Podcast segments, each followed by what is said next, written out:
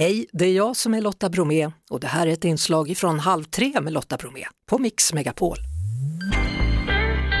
Mix Megapol är kanalen du lyssnar till. Jag heter Lotta Bromé och ska nu tala med Hasse Nilsson som är regerande svensk mästare i snapsvisor såväl 2020 som 2021 och snart är det dags igen. Hallå Hasse!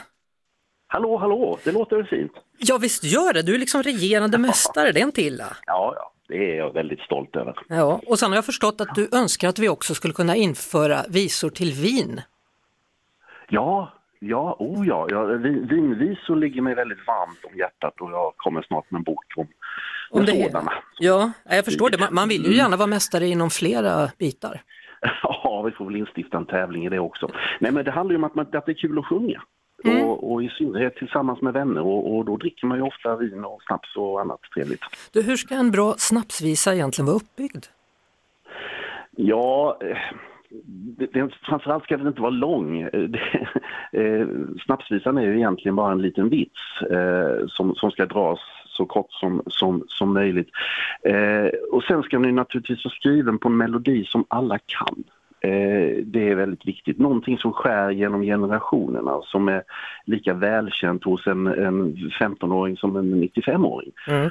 Och, och, eh, och, sen ska du ju ha en knorr och det är ju det som är det svåra när man hittar på snapsvisor. Att komma på den där lilla roliga poängen. Ja. Eh, nej men gör man väl det, sen är resten faktiskt korsordslösning och ett rimlexikon. Det är inte så svårt. Du, Helan går är väl den allra kändaste. Var kommer den ifrån egentligen? Är det verkligen en operett?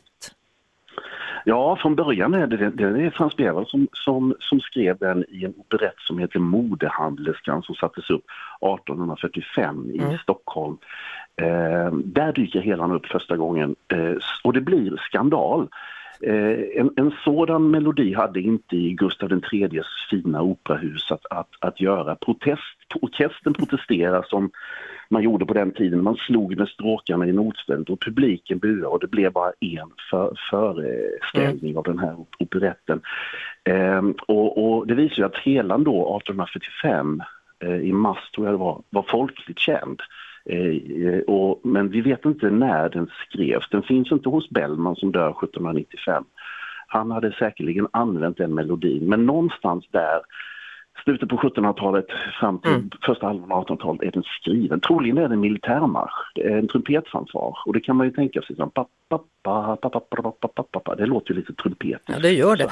Du, jag, jag blir ja. lite så här bara funderande, du är alltså världsmästare också. Var, i vilka andra länder sjunger man snapsvisor än Sverige? Oh ja, det, det, det ska jag villigt erkänna att det är lite bandy-VM ja, över det hela. det var så, ja. Eh, eftersom som, eh, språket vi tävlar på är svenska språket så inskränker det sig till eh, Sverigefinländarna och, och, och vi som tävlar mm. har gjort nu i, må, i må, många år. Vi kallar det VM, vi tycker det är kul. Vi bjuder säkerligen in alla nationer men vi har väl ett försprång där eftersom språket är svenska. Ja. Eh, men, men det har pågått nu i många år. Det är ju Spritmuseum mm. som, som arrangerar det här och, och det är väldigt populärt. Mm. Biljetterna brukar ta slut i ett nafs när de släpps. Så är det. det. Du, jag har då förstått att SM i snapsvisor är lite grann som Mello då, man får inte sjunga dem innan tävlingen. Över 200 mm. nyskrivna brukar komma in årligen uh, och du har skickat in flera bidrag. Går det att säga någonting om dem utan att avslöja dig?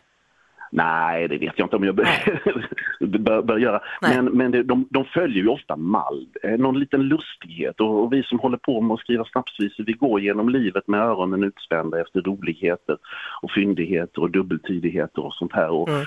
och, och, det är ju sådana saker jag har skickat in i, i år också som, som alla, alla, alla, andra år. Sen vet man inte vad som kommer med. Det är ju en väldigt hård och brutal jury som, som avgör. Ja, det är precis som Melodifestivalen vet du. Oh ja, oh ja. I, i, ibland är det alltid fel låt som vinner. Ja. Uh, ja. Ska vi ta och höra på den som du är regerande mästare med då, tro? Mm. Ja. ja. Hur har du den? Eh, den går så här. Sommarens hetta är olidligt hård. Kvicksilvret stiger mot nya rekord. Men jag har upptäckt något helt genialt. Svälj en kall nubbe och sen har du svalt. Sådär ja, där var den. Ja. Jag tänkte på det att du, efter du sa så här, svälj en kall nubbe så var det liksom någon slags paus. Är det meningen att man ska svälja ja. där då? Eh, ja, här, från början så tänkte jag mig så när jag skrev den här men nu Ja. har jag ingen kall nubbe här så det fanns ingen anledning att hålla den här pausen. Jag trodde du hade två händer, en med telefonen och en med nubben, men så var det Ja. inte. Nej. Du, juryns motivering här är ju ganska eh, rolig. En cool visa som tar ett genialt vårsprång mot en mindre överhettad framtid. Ja, om det ändå vore så väl. Ja, vi gör så gott vi kan. Hörru.